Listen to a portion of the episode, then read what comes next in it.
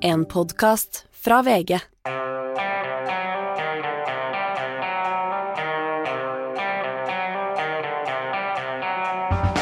Ikke visste jeg at alle disse dagene som kom og gikk, de var uke 1, 2, 3, 4 har vi kommet til allerede, og det er fortsatt januar, så hold ut. Eh, Vi skal snakke om eh, litt av hvert. Vi skal snakke om russisk deltakelse i OL, vi skal snakke om disse gamle, og vi skal snakke om eh, kraftforsyning og Arbeiderpartiets problemer i Oslo. Og ved siden av alt dette så skal vi også snakke om, ja, kjært barn har mange navn, øh, vagina. Øh, Ingrid Alice Mortensen, hva er ditt favorittnavn på det? Nei, nå er det jo VG-Ina. VG-Ina, selvfølgelig. Vi kommer tilbake til dette litt seinere. Men aller først, øh, Hanne, hyggelig å se deg. I like måte, Anders. Eh, jeg, en ting vi har snakket om tidligere denne uka, men som på en måte bare eh, blir eh, hva skal jeg si, verre og verre dag for dag, det er eh, Paludan fra Stram Kurs i eh, Danmark. Han er, han er visstnok svensk statsborger òg, vet ikke om han har dobbelt eh, statsborgerskap. Han eh, begynte forrige uke med å brenne en koran utenfor den tyrkiske ambassaden i eh, Stockholm, eh, noe som har mm, bokstavelig og metaforisk satt fyr på hele debatten om Tyrkia skal slippe eh, skal bruke veto for, mot å, mot å, for å hindre at eh, Sverige blir med i Nato. Og ja, denne har bølget fram og tilbake. Nå i går så sier altså Paludan at han skal brenne en koran hver fredag til Sverige slipper inn i Nato. Kjempeplan! Dette er kanskje hans måte å hjelpe Sverige inn i Nato på. Han har sant? kanskje et litt annerledes verdensbilde enn det vi har. Nei, ja, han, han gir seg ikke, rett og slett. står på for Sverige. Ja. Og øh, litt mer alvorlig, altså dette er, føler jeg på en måte, det er det til slutt koker da hele den der ytringsfrihetsdebatten vi har hatt de siste 20 årene snart, ned til dette.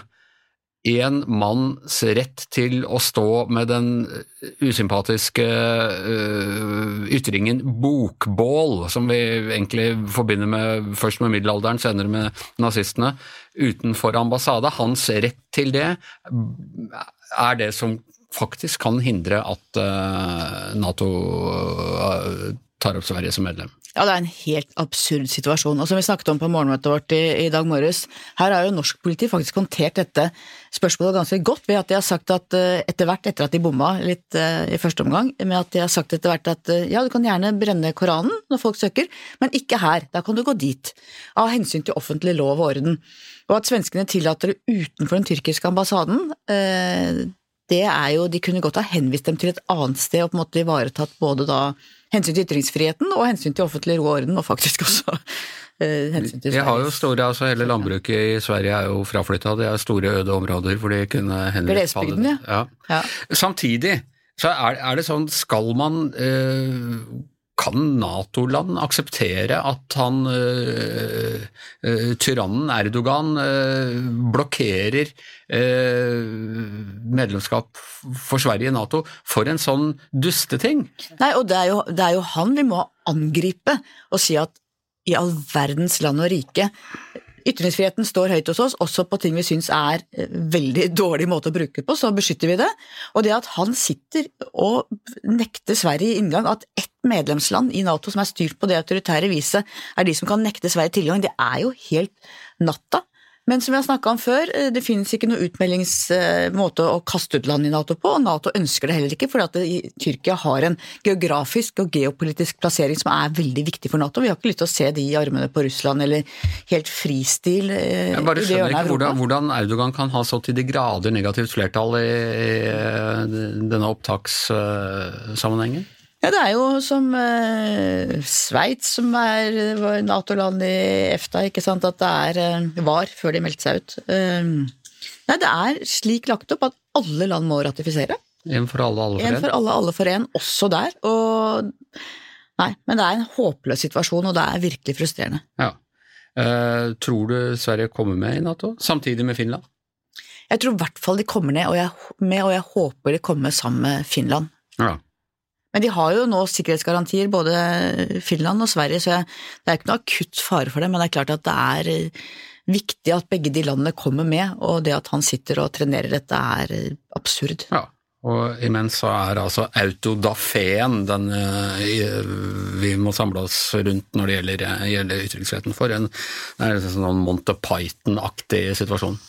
Ja. Du, det som har vakt mest debatt denne uka, det er, og til og med overskygget strømprisene, det er jo eldre, eldreomsorgen. Uh, delvis da, altså starta med, med noe reportasje i Brennpunkt på NRK, men det er vel særlig uttalelsen til Ingvild Kjerkol, helseministeren, om at folk må i større grad regne med å ta ansvar for egen alderdom.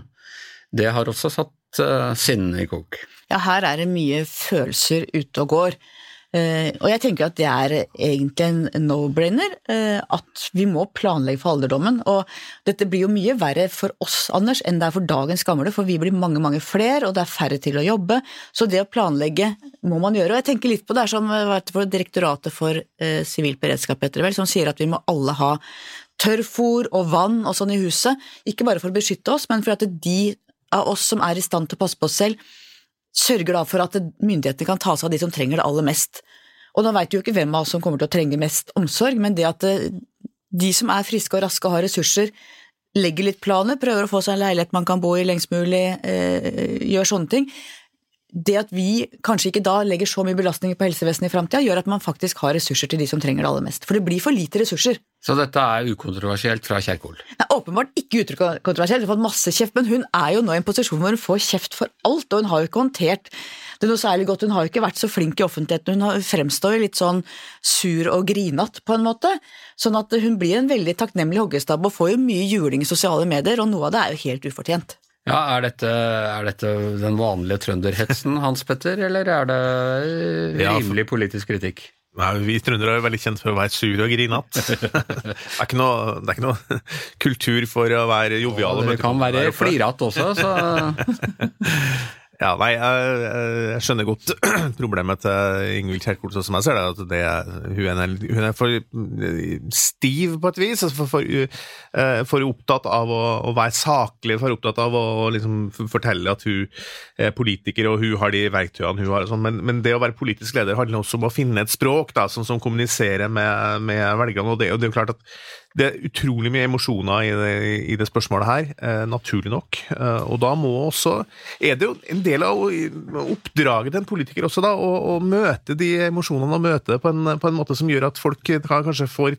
tillit til at hun gjør noe riktig for for å løse de problemene som er der. Men det er jo, det er jo jeg skjønner jo på en måte statsråden også, for det må jo være, føles veldig urettferdig at, at hun får all kritikken av at, det er at, det, at kommunene rundt omkring i Norge har problemer med å organisere sin, eh, sine tjenester. Så, så det, er jo, det, er jo, Men det er klart, som, som jeg sa, politikere må lære seg å kommunisere. Det, så enkelt er det. Det var, tok godt fyr på debatten på NRK i går, Hanne. Jeg har ikke sett det. Bare du, du kom og hadde hørt det på vei til jobb. og ja, det får en si, og Kjerkol fikk jo kjørt seg. Anne Holt var indignert på vegne av alle sosialdemokrater, og Nei, det var eh, mye følelser i sving også der. Og så har jeg tenkt litt på en ting, Anders. Vi snakka litt om det i går òg når det vekker så mye følelser også blant de som ikke er gamle ennå, er det for at vi er, har den frykten hos alle sammen for å bli hjelpeløse. For å, og, en ting er at vi vet vi skal alle dø, og så tenker vi at vi lever, og så dør vi, men det er jo et mellomspill der for de aller fleste at hvor vi er syke, hjelpeløse, trenger hjelp. Om det også gjør at det blir så emosjonelt. For det fleste er det vi skal alle dø og memento mori en teoretisk konstruksjon helt opp til du når en viss alder, og så blir det gradvis mer, eh, mer alvorlig. Og, og det eh, jeg så Anne Holt skrev på Facebook, og som er det Hans Petter berører òg. Det at ja, kjempefint hvis de eh, eksemplene vi får se er liksom feilgreier eh, og ikke, ikke, representativt, men da må man klare å formidle det. Eh, at i det store og det hele så går dette faktisk bra. Eh, at når etterfølges liksom når eh, sånne skrekkeksempler etterfølges med en beskjed om at ja, i framtida så må du ta ansvar for dette sjøl, så må jeg si selv også, jeg opplever det som litt sånn skremmende når jeg skal være halvdement og ta ansvar for uh, egen tilværelse. Samtidig, ja, åpenbart, men samtidig så skjønner jeg litt hvorfor Kjerkol for eksempel, da i første omgang ikke ville møte Lise Fjelstad, skuespilleren, til debatt også. for det, Hvordan skal du som politiker på en måte respondere på en sånn, sånn utrolig følelsesmessig sånn Lise Fjelstad har på en måte blitt stemmen her. Hun var ja. først på, på Dagsnytt NRK på morgenen, og så har hun senere vært i, i diverse program. og En av våre Eh, største skuespiller, skuespillerinner fra den generasjonen vi ennå sa skuespillerinner, og med et patos jeg ikke har hørt siden Wenche Foss, virkelig eh, satt ord og følelser på, på denne frykten. Ja, og Der har du liksom den rasjonelle politiske virkeligheten mot nettopp eh, det emosjonelle. Og Vi så det jo samme da arbeidsminister Marte Mjøs Persen møtte Nav-ofre i mm. debatten, da de omsider stilte der. Det er jo ekstremt krevende, og det er jo på en måte argumenter mot følelser. Ja, for Du taper den debatten uansett. Du, du, Kjerkol har ikke sjans til å vinne over uh, Fjelstad. Da, eneste måten å respondere på det, er jo da å vise empati og medfølelse, og, og finne de riktige ordene da, som skal, skal liksom, roe det liksom gemyttene. Uh, men det, og det viser jo bare at den moderne politikerrollen også er ganske krevende. Du må, du, du må også være litt som Fjelstad, du må være litt skuespiller også, og lære deg liksom å fremføre replikkene på en, på en skikkelig måte. Da. Og så er det jo ikke ikke lett. fordi at hvis du sier, som jo også er sant, at veldig veldig mange gamle i Norge får veldig god omsorg.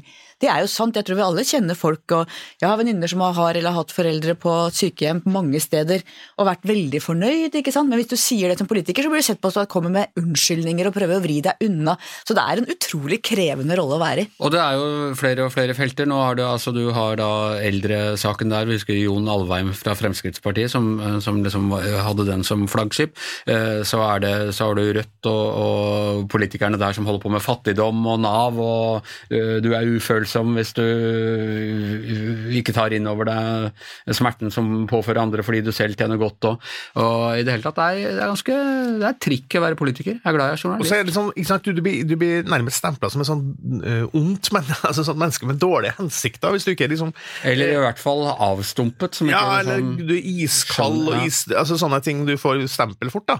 Uh, men det er klart, det, det er jo politikerne. altså Du kan rasjonalisere det her så mye som du vil, men, men som jeg sa, som politiker, skal du da hevde deg i sånne sammenhenger og, og fremstå som en leder, så må du spille det spillet der, og det må de bare lære seg. Men norske politikere har jo da en egen utfordring på toppen av det hele. fordi altså, Hvis landet sliter og det er underskudd på statsbudsjettet og sånne ting, så må man jo si at her må vi prioritere eller noe sånt. Men det må vi jo ikke i Norge! Vi har jo penger til å ordne opp! Ja, har vi noe egentlig? Altså, hvor, vi, vi, ja, ja, ja, ja. Men, så, det er jo et veldig viktig innspill i den eldreomsorgsdebatten og sykehusdebatten og alt sånt, er at vi bruker jo helt enorme summer og aldri brukt mer penger. Så det, det, vi kan jo ikke bare, vi kan ikke bare tenke sånn at vi skal bare pøse inn, pøse inn, pøse inn. Vi må, jo, vi må jo diskutere hva det her, hvordan det skal organiseres og hvordan vi får mest ut av pengene, også, selv i Norge. Før i tiden hadde vi underskudd på statsbudsjettet, kan jo få det igjen. og Det gikk jo bra likevel. Det ble folka også som vokste opp med underskudd på statsbudsjettet, Hanne. Jeg har bare ett ord, jeg perspektivmeldingen. Ja, ja, men altså hvor ja. Jo, ja, men det kan du si. Eh, men, det, eh, det, kan du si. Men skal du da se liksom at uh, gamle lider og fattige sulter og sånne ting, og si at nei, men vi tenker på liksom 14 generasjoner framover i tid? Jo, men Det er flere perspektiver her. Altså, for det første Perspektivmeldingen sier at vi kommer til å gå med underskudd en del år framover. Vi må ta noen grep. Enten øke skattene, eller kutte i velferd, eller jobbe mer, alle sammen. Og så punkt to, som, er, som, vi snakker for lite om i denne debatten, det var jo framme i går det er først og fremst mangel på folk. For det blir mange, mange flere eldre, og mange, mange færre som kan både betale skatt og faktisk gjøre jobben og være disse varme hendene vi snakker så mye om. Sånn at det er mye mer sammensatt. Det er ikke bare å pøse inn penger, og så løser det seg.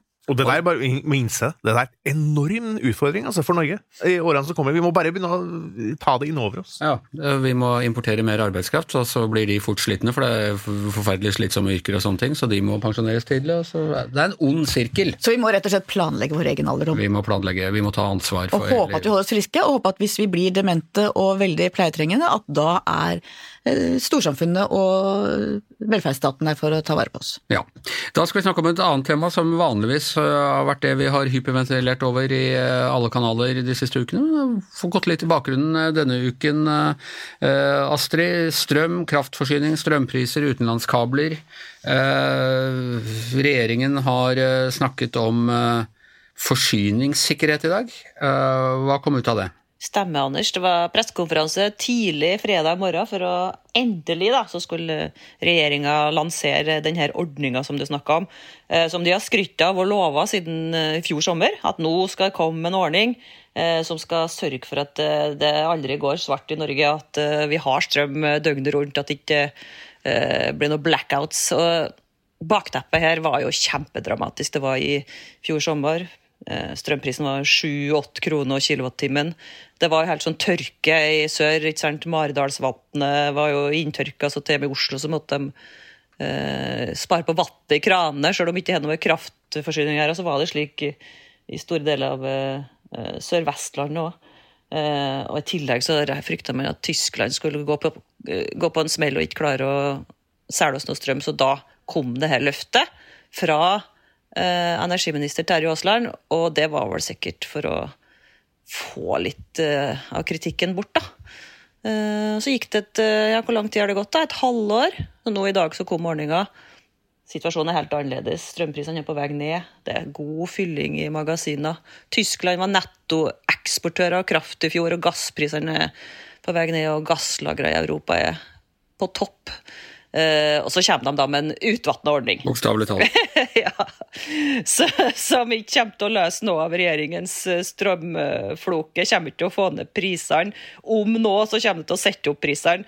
Eh, Og det virker som det stort sett er en formalisering av sånn som vi har hatt det fram til nå, at det er markedet som skal fikse biffen stort sett her, da. Men det skal også nettopp garantere oss at vi har kraft i, i vanskeligere tider. Altså tider uten vann i magasinene og uten vind i Europa og uten koks på peisen. Ikke sant, Husker bilder i VG fra, fra i fjor, da, fra Blåsjø, et av de her store store kraftmagasinene våre som skal uh, være flerårsmagasin, som bare skrumpa inn.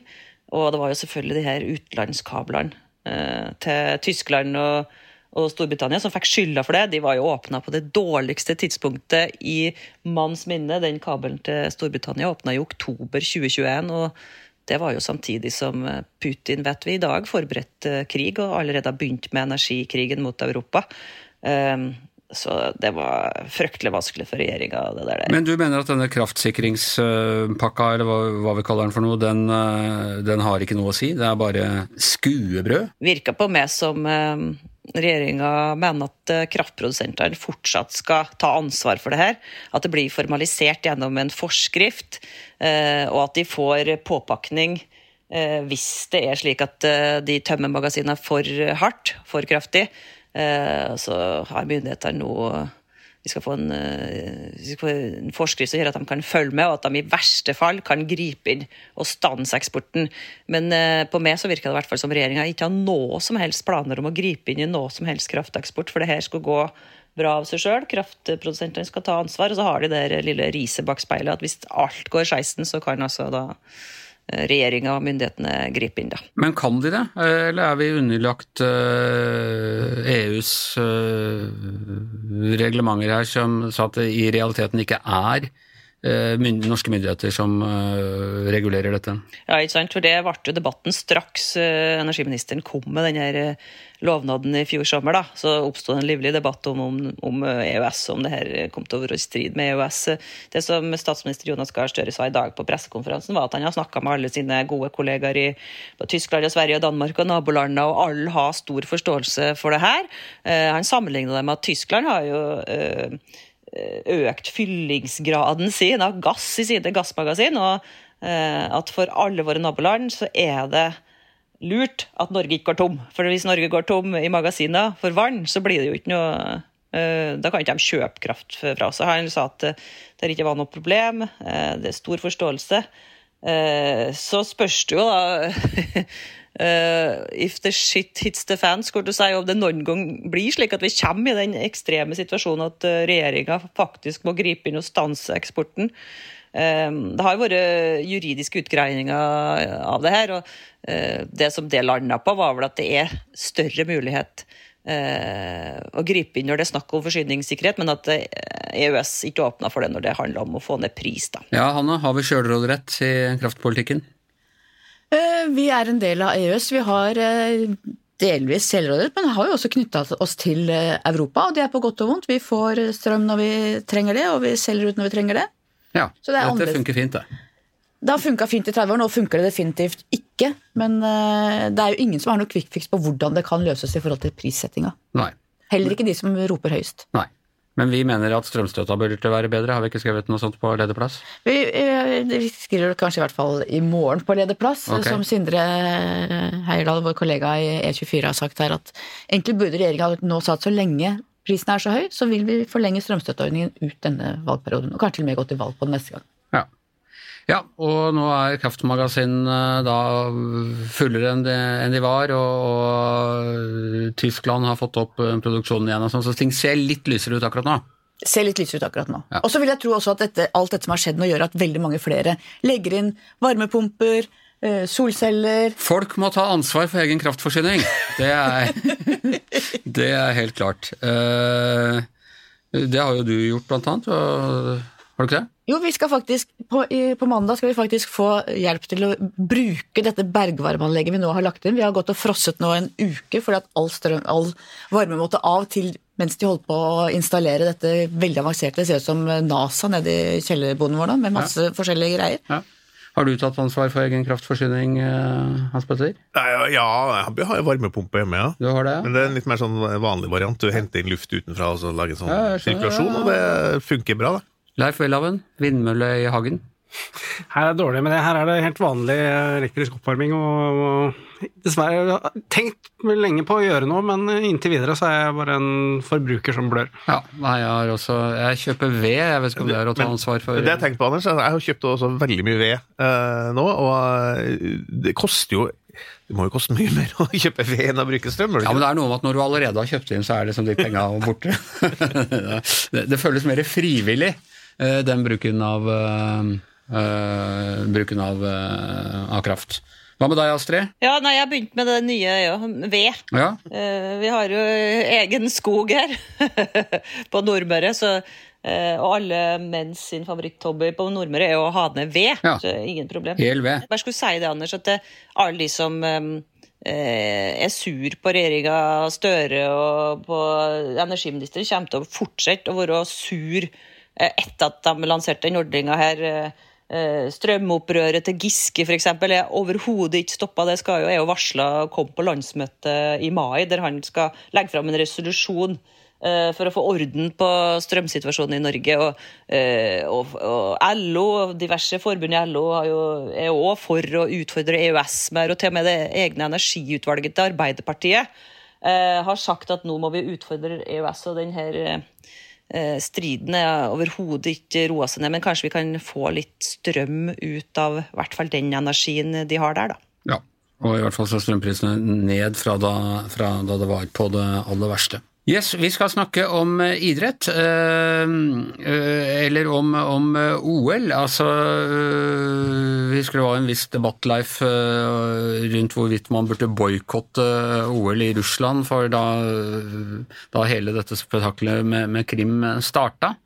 Eh, nå eh, vil IOC åpne dørene for at eh, russerne skal kunne delta under et slags nøytralt flagg, er det det som er ideen? Ja, altså etter invasjonen i Ukraina så har det jo vært en anbefaling fra IOC om da, å sanksjonere overfor russiske forbund, idrettsmyndigheter. og det som jo har kommet nå, er en eh, altså, Det er litt ullent å få tak i hva de egentlig mener, men det er en form for å åpne døra på gløtt for å lete etter en eller annen løsning ut fra gitte kriterier om at russiske og belarusiske utøvere kan få lov til å være med i eh, OL, forutsatt f.eks. For at man ikke har ytre tydelig støtte til eh, Putin, og da under nøytralt flagg. Og så går jeg ut fra at man da ikke skal spille den russiske nasjonalsangen hvis de vinner heller. Nei, det er sikkert riktig. Sånn som det, etter dopingskandalen så hadde vi jo en variant av dette, en veldig sånn utvannet straff Ja. som var veldig merkelig. De spilte Tsjajkovskij og hadde de samme fargene, men det, de representerte formelt ikke Russland. Og i hvilken grad det egentlig var noen sanksjon som uh, smertet, kan man da diskutere. Men det er den eneste andre gangen man har prøvd dette med sånn slags nøytral eh, eh, At man stiller uten flagg, liksom, eller bekvemmelighetsflagg, eller hva vi skal kalle det. I hvert fall i nyere tid så er det den, eh, så er det den eh, varianten vi har sett. Og så har vi også historisk tilbake i tid har vi jo sett kraftigere lut eh, som, som er blitt Ja, brukt, f.eks. overfor Sør-Afrika. Så Ja. det er ikke noe nytt at man eh, i seg selv at uh, idretten faktisk uh, har en mening på den, en politisk arena, selv om man prøver alt man kan å fremstille seg selv som apolitiske. Men i og med at jeg nå bare bruker metaforen 'sette fyr på debatten' uh, denne fredagen altså Det tok litt fyr i denne debatten også i går? Ja, altså Det som er jo litt spesielt, er at vi har jo da en utøverkomité i Norge som ledes av Astrid Uren og Holte Jacobsen. Eh, Det har sjelden vært noe debatt om hvordan den er satt sammen, og hun har i tillegg altså en eh, lang historikk med ulike verv eh, til, altså som utøverrepresentant tilknyttet IOC, den olympiske, internasjonale olympiske komité. Det som skjedde i går, var da at NRK kom med en artikkel da, hvor det da ble fremmet en påstand om at Astrid Uren Holt Jacobsen i møte med IOC har tatt til rette for en linje som handler om, om inkludering av russiske og belarusiske utøvere. Så har hun i etterkant reagert overfor NRK på både publiseringstidspunkt og det hun mener er manglende presisjon. Og så er det vel et problem når hun nå faktisk har uttalt seg, at det er litt vanskelig å få tak på hva som er hennes private meninger, hva hun eventuelt uttaler seg på vegne av norske eh, utøvere om, hvilket mandat og forankring en eventuelt måtte ha på å snakke på vegne av et, eh, av et fellesskap, og hvilken, om, om at man egentlig har hatt noen ordentlig debatt på utøverhold eh, eller ikke. Dette har jo da også for eksempel da, vakt reaksjoner fra en utøver som Knut Borch, som eh, sier at tilliten til henne er grovt svekket. Ja. Eh, men så ser hun svaret at ja vel, det er ikke gjennom disse kanaler tilliten min eh, stadfestes eller eh, jeg henter mitt mandat. Ja, men litt av problemet er vel at vi har altså et system hvor du har en utøverkomité som settes ned av idrettsstyret. Det har aldri, som jeg har fått med meg, vært noen ordentlig debatt rundt hvem som skal ha disse rollene, og jeg tipper at ganske mange norske utøvere ikke engang vet at denne komiteen finnes, og jeg kan ikke huske en eneste sak hvor eh, norske utøverkomiteen har utfordret makten på noe vis. I forkant av uh, siste OL så ønsket Astrid Urnholt Jacobsen å altså, gå mot uh, ytringsfrihetens uh, funksjon og muligheten til å komme med politiske markeringer, for eksempel, som er veldig på linje med IOC-standpunktet. Det var kanskje ikke sånn hun formulerte det selv. Altså, hun er jo veldig altså, på denne linjen som handler om at du skal skille idrett og politikk, uh, som jo er det IOC alltid for, altså, forfekter, med mindre det er noen politiske Han ble brukt før eh, OL i Berlin i sin tid. så er det litt sånn, Når det passer IOC, så kan man uh, ta et steg inn på den politiske banehalvdel, men når det er snakk om den type ting, så skal man det ikke. Og litt av problemet kanskje er, er her at du, du, du ser sånn aldri norske utøverstemmer våge å, å, å utfordre, og da lurer jeg på litt på liksom, hvordan er det forankret, og hvordan har man blitt enige om hva man faktisk skal synes. Og det er jo ofte sånn at det faktisk vil være en iboende interessemotsetning mellom ulike parter her, som i altfor liten grad har kommet til syne i den norske debatten. Og uavhengig av hva man mener eller ikke mener, om det er riktig å slippe russere tilbake i OL, mens nesten 200 ukrainske utøvere har, dødd siden krigen startet, uavhengig av hva man mener om det, så trengs en helt annen debatt om hvordan vi skal forankre meninger, og hvem som skal få lov å uttale seg på vegne av norske utøvere, på hvilket grunnlag. Men samtidig så ser vi også at det er en tendens til å være altså Før et sånt stort arrangement, arrangement, fotball-VM, ikke sant, så alle er veldig kritiske til Qatar og sånne ting, og så er vi i gang, og så er det ballen er rund og cup er cup. Og, og det samme gjelder også med, med da, altså, fotballag som eies av uh, tvilsomme typer. og jeg, jeg føler liksom at alle disse debattene kommer i forkant, men så når det er i gang, så gir man jo bløffen, og så har de jo helt rett, de som sier at eh, idrett og politikk ikke blandes. Ja, altså Det har en tendens til å bli sånn, og også etter dopingskandalen i, altså i Russland, så endte det med store russiske tropper i både vinter- eh, og sommer-OL. Og det er noe med den kraften i de store arrangementene som har en tendens til å dessverre altså overskygge eh, det viktige ordskiftet. Og jeg så en litt sånn interessant melding eh, på Twitter i går, at han mente at måtte å også skryte av sanksjonere mot Russland mellom to OL er omtrent det samme som du skal være stolt over at du har avholds mens du sover. Ja, er, eller i hvert fall som ikke drikker på onsdager. Eh, ok, hva tror du? Eh, kommer eh, russere og belarusere til å delta i OL?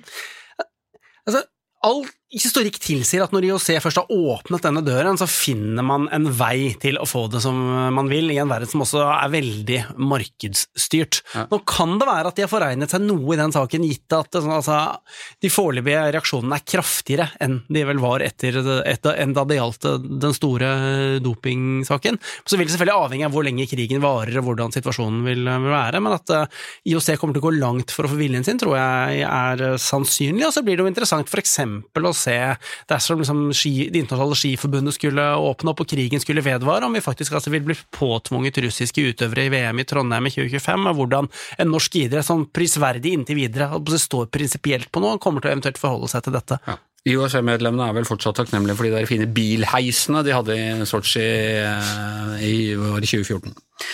Eh, ok, eh, norsk politikk også. Denne uka kom det en meningsmåling som viser at Arbeiderpartiet sliter i Oslo. Eh, kanskje ikke så rart når man sliter i hele resten av, eh, resten av landet på meningsmålingene, men Oslo har vært litt spesielt. Eh, Raymond Johansen har av mange vært ansett som eh, mannen som har klart å, å holde den sosialdemokratiske fanen i, i denne skittstormen, eh, Hans Petter? Ja, han har på en eller annen måte klart å etablere seg som en slags sånn eh, mer en sånn folkelig, liksom, rett fra levra-type, som, som, mange har snakka om at, eh, og deriblant også, tror jeg, som har sagt at han kanskje burde hatt en kanskje litt noe mer fremskutt posisjon i Arbeiderpartiet, jeg vet ikke, men Han er jo gammel partisekretær. Ja, og han gjorde en bra jobb der, jeg tror han en ganske omforent oppfatning av det.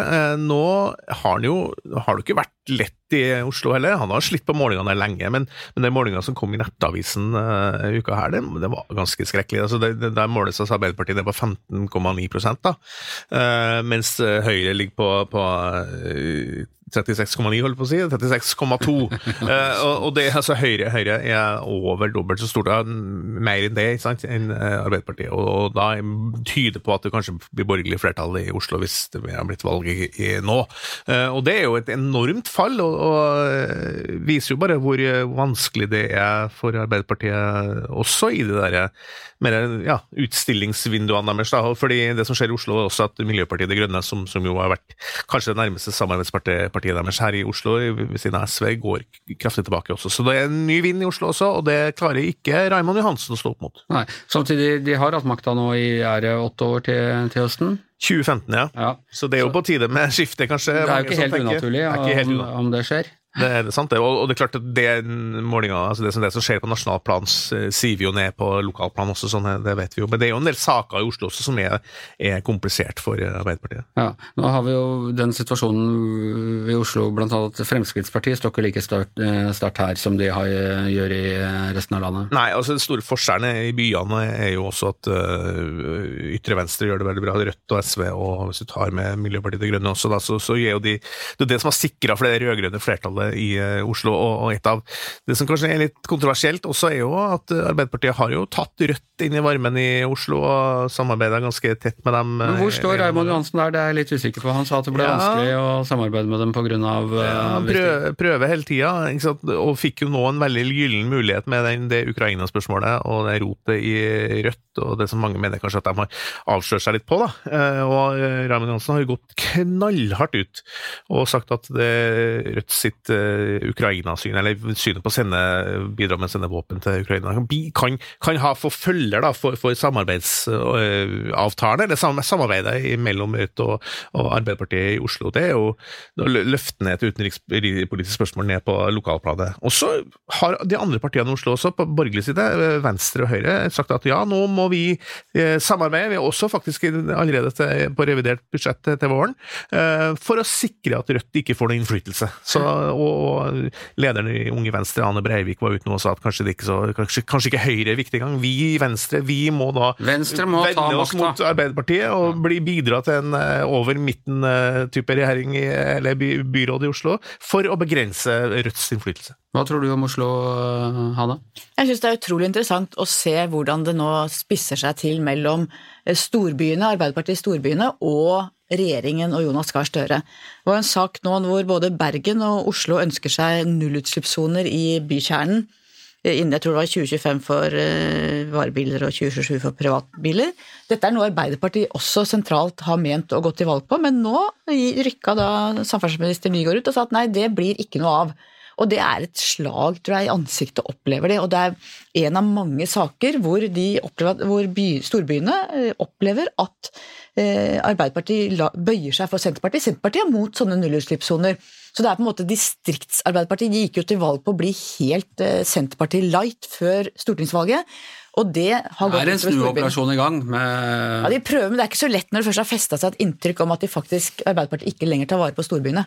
Arbeiderpartiet har nå gått med på med Senterpartiet å reversere så mye rart at nå er de i ferd med å reversere sin egen politikk også? Ja. Ja. Men, Og det men, tror jeg plager mange. men det, vi har jo snakka om det før, meg, Anders. Altså det med Danmark og vendinga til Mette Fredriksen der bort fra en sånn en ganske rød plattform over til Og så tapte de kommunal, kommunalvalget i Danmark, eh, spesielt i storbyene. eh, Og så har de da vendt seg mot midten, og nå har de til og med danna en regjering over midten mellom sosialdemokratiet i Danmark og to største partiene på borgerlig side. Sånn at, eh, og Arbeiderpartiet har en veldig sånn de, de lukter veldig mye på det som skjer i Danmark. De har vært latt seg veldig inspirere av Mette Fredriksen. og klart, det er jo det som, Hvis det nå er en slags eh, eh, De føler at de er i ferd med å miste makten i, i Oslo, så kan jo i hvert fall en, en samme type dynamikk oppstå. Da, at de begynner liksom å se seg litt rundt etter andre konstellasjoner andre måter å, å, å bygge Men hvor, hvor, altså, Vi har bare to bein å skreve med, og det ene står nå planta på venstresiden, og det andre i Senterpartiet, som ikke akkurat er noe Nei, ja, radiosparti. altså de, de, Så hvordan skal få eh, Sven Gren med sitt ekstra ben til å stå planta i Høyre og Fremskrittspartiet samtidig, det blir vanskelig. Ja, altså det, det viser jo bare igjen jo, hvor, hvor, hvor, hvor den, den posisjonen til Ap, hvor de skrev i alle retningene samtidig, er helt utrolig komplisert. Altså. Før så samla de veldig mange ulike grupper, nå er de liksom dratt mellom ulike grupper som ikke klarer å være Ja, det, er, det er litt det som er bildet, liksom. Det var som Gro Harlem Brundtland sa en gang, tror jeg, at uh, sosialdemokratiet har ikke blitt mindre, det har bare spredt seg utover flere partier. Ikke sant? Så det, blir, det, det, er, det, er, det er vanskelig. altså Før så, så var Arbeiderpartiet den brede, svære koalisjonen som sugde opp alt sammen, men sånn er det ikke lenger. Da skal vi snakke om en av eh, de mest eh, spesielle satsingene vi har hatt her i VG på, eh, i det siste. En klikkvinner, som vi kaller det på fagspråket. Det vil si at utrolig mange har vært inne og, og lest den. Og det er Ja, hva er det vi har kalt det, Ingrid Alice Mortensen? Vegina? Vegina, ja. Fordi vi er VG, så vi må ha litt ordspill også. Ja. Men det er altså vagina det har dreid seg om. Ja. Eh, Vagina-universet. Det har dreid seg om eh, vagina, og, egentlig underlivet i helhet, da, men det klinger litt bedre med vagina, og da VG-ina. Ja, det kjært barn har mange navn, og ikke alle av dem er like pene. Men, men eh, det er altså om kvinnehelse, egentlig, om, om en del eh, sykdommer forbundet med det kvinnelige underliv. Ja. Men kjernen i det har vært en helt utrolig eh, grafikk av Einar Otto Stangvik, hvor du Altså en eh, virtuell vagina, rett og slett, hvor du kan lære ting jeg i hvert fall ikke visste fra før av. Nei, ikke jeg heller. Nei. Nei, Det er Einar Otto Stangvik ja, som har laga en fantastisk eh, 3D-modell. Vi har vel holdt på siden ja, tidlig høst. Og vært i kontakt med altså, masse leger og forskere og forskjellige folk som har hjulpet oss med å få den eh, så lik som eh, mulig. Eh, for det var ganske spennende med det prosjektet her, at det fantes det fantes noen 3D-modeller fra før av, men eh, mange av de var rett og slett for dårlige. Så Einar Otto har jo brukt eh, nå utallige timer på å titte seg gjennom bilder, eh, bruke modeller som fantes fra før, for å få en mest på en måte riktig, da, og spennende framstilling av det kvinnelige underliv. Ja, og du kan klikke på det og da se, gå innover og, og se det i forskjellige perspektiver, ovenfra og underfra. Den er helt sånn eh, og, og det som eh, slår meg, det fascinerende ved dette, at egentlig så har jeg sett, altså jeg er barn på 70-tallet da Kvinner kjenn din kropp og alle disse greiene her kom. Eh, Jeg har egentlig sett alle disse plansjene og tegningene, det har ikke vært noe hemmelighet rundt det, men det er utrolig hvor lite man egentlig vet, og hvor, hvor fascinerende en så enkel form for folkeopplysning faktisk er. Ja, men det kan jeg jo eh, merke sjøl òg. Jeg er jo eh, 24, og jeg, alt jeg har lært meg, har jo vært basert på de klassiske tegningene man har sett. Du ser liksom livmor og eggstokker på en måte rett forfra. Eh, og det er på en måte det, og søker du opp bilder, så er på en måte nesten alt eh, helt likt. Eh, så det har på en måte vært litt målet med dette, å få en helt ny framstilling av det. Og, og så langt vi veit, så har det ikke vært gjort før heller. Nei. Og så har dere uh, funnet fram eh, caser, som vi også Mm. kaller det på fagspråket. Altså uh, folk som har uh, tre forskjellige kvinner som snakker om veldig fordomsfritt om plager de har hatt. Nå husker ikke jeg engang navnet på de jeg hadde skrevet opp på en Ja, jeg har, jeg jeg har alt i hodet, jeg. Så det, ja, vi har snakka med tre eh, fantastiske damer som har vært åpne om eh, diagnosene sine. Og de har eh, en som heter Mie, som har eh, endometriose. Og så har vi Og hva er endometriose? Endometriose er en eh, smertetilstand eh, som rammer én av ti kvinner. Eh, hvor det handler om at vev som vanligvis befinner seg i livmoren, vokser utenfor. Så det kan bli skikkelig betent og vondt, og det kan sitte mange steder i kroppen. Eh, ja, veldig smertefullt. Ja. Og så har vi snakka med ei som heter Hege, som har eh, vulvodyni og vaginisme. Og det handler jo da om eh, stramninger i bekkenbunnen, vaginisme, og eh, vulvodyni er egentlig på en måte bare smerte i vulva, som da er på en måte ytre del av underlivet, hvor det som regel ikke finnes noen annen grunn. Altså Man har vært gjennom andre undersøkelser, og så sier man sånn Her finner vi ikke noen annen grunn. Eh, dette er vulvodyni. Eh, Og siste er, eh, har vi snakket med ei dame som heter Karoline, som har eh, PCOS, som er en hormonubalanse, som også rammer veldig mange kvinner, opptil 15% i Norge, som kan føre til mange forskjellige ting. At du kan få unormal hårvekst, du kan slite med overvekt og kviser, og ja, kan ramme, ramme kvinner veldig forskjellig, da. Ja. Og så har dere også et eget kapittel om at eh, vaginaen også er til for nytelse. Det er, Ja. ikke, bare, det er ikke bare problemer. Nei, jo, det er litt gøy inni det òg. Vi har snakka med flere eksperter for, eh, om, som kan veldig mye om klitoris, for det er jo også litt sånn underkommunisert, og Og som kun er til for nytelse. som kun er til for nytelse. Ja. Det er veldig hyggelig at vi er utstyrt fra naturens side med noe som bare skal være hyggelig og gøy. ja, og også som har eh, mye mer eh, nerver i seg enn man først trodde. Det er jo forskning som har kommet i løpet av den høsten her. Man trodde vel at klitoris hadde mell... å, Nå er jeg ikke helt sikker på de tallene, men jeg tror det var 5000 til 6000 nerveender. Og så har det kommet forskning nå da, som viser at det er hele 10 000. Ja.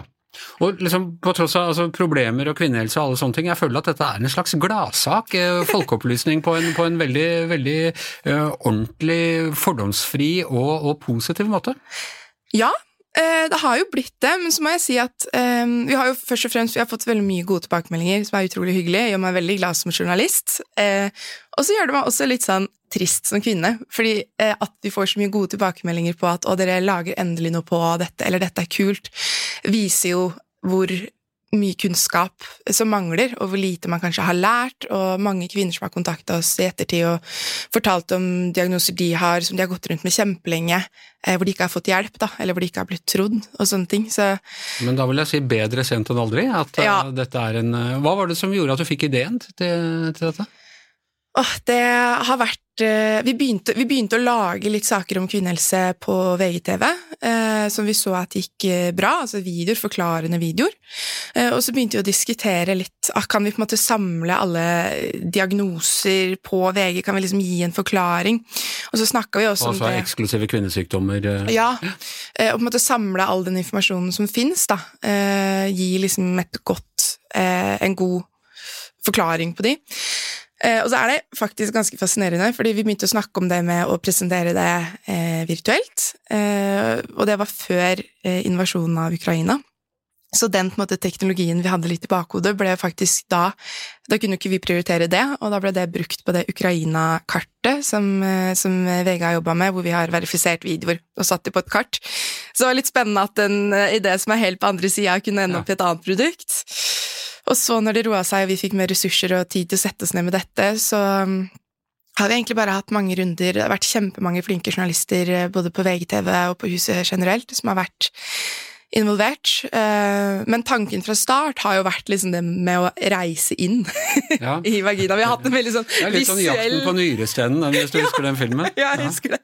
det er veldig, vi har alltid hatt en veldig visuell eh, tanke, også fordi man ser at folk trenger å se videoer, de trenger å, å ha det måte foran seg for å skjønne ting. Da. Det trenger i hvert fall jeg sjøl òg. Så det har, eh, det har holdt på lenge. Ja. Uh, ja. Er det noen planer å gjøre noe? Det er sikkert eh, ting vi ikke vet om det mannlige underlivet òg. Har dere tenkt noe i, i den retninga?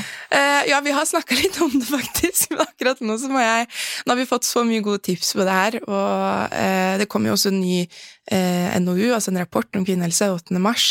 Så akkurat nå, så i hvert fall for min del, så holder jeg meg til det kvinnelydende liv. Og det er sikkert nok å gjøre der. Jeg må bare si at, at um, jeg er alltid stolt over å jobbe i VG, men noen ganger er jeg ekstra stolt, og dette prosjektet her, det syns jeg var veldig, veldig bra. Så tusen takk skal du ha. Det er veldig hyggelig. Takk skal du ha.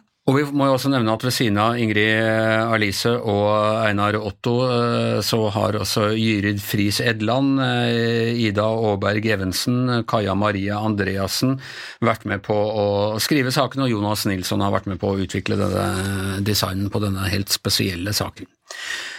Ok, eh, det nærmer seg slutten, eh, Hanne, men det er jo flere podkaster som kommer her på, fra, i Podme i løpet av helgen, som tar opp aktuelle saker til debatt. Eh, Og hva, hva er det din podkast handler om? Absolutt. Min podkast Skartveit, som den heter, der har jeg i dag besøk av ikke Astrid Mæland, men Astrid Liland, som er beredskapsdirektør i Direktoratet for strålevern og atomsikkerhet. Det var hun som både skremte vannet av oss og beroliget oss litt da det smalt i Ukraina med brann i, i atomkraftverk og mye greier. Vi går fra de store spørsmålene. Myndighetene har nå bedt eh, om en utredning av om man også skal ha inn i risikobildet eh, angrep atomvåpen, med atomvåpen på norsk jord, om det skal være et av en del av det risikobildet, det er nytt og ganske skummelt. Til helt konkret, hvorfor er det sånn vi får, hvis vi får atomavfall på oss at vi må gå og dusje og bruke såpe og sjampo, men ikke balsam? Hmm. Så vi går fra stort til smått. Jeg vil anbefale den samtalen. Det er synd for meg, for jeg har sånn sjampo og balsam i ett, eh, så det må jeg kvitte meg med. Du må Altså. splitte opp. Ja, ok. Du fikk veldig bra gjennomslag på podkasten forrige uke. Ja, Aisha Wolasmal som eh, var og foreslo i podkasten at eh, Norge bør gi stipend og studieplass til afghanske kvinner som nå er kasta ut av universiteter og høyskoler. At de må komme til Norge. Det ble toppsak i Dagsnytt 18 på mandagen, og, og rektor ved Universitetet i Oslo eh, har eh, respondert og sagt at de jobber med dette, og vil også ha et, eh, sammen med andre universiteter i andre land, lage et globalt universitet hvor forfulgte og flyktninger mange steder i verden kan delta. Så hvis du ligger i forkant av nyhetsuka, så hører du på, på Skartveit i helgen, og så skal vi oppsummere tingene etter hvert i løpet av uka, kommer vi halsende etter. Men da er Giæver og gjengen over for i dag. Tusen takk til Hanne Skartveit, tusen takk til Astrid Mæland, tusen takk til Leif Welhaven, tusen takk til Hans Petter Sjøli. Jeg heter Anders Giæver, og produsenten vår, han heter Magne Antonsen.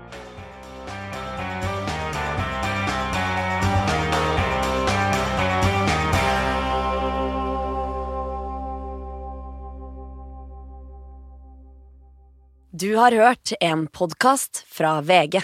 Ansvarlig redaktør, Gard Steiro.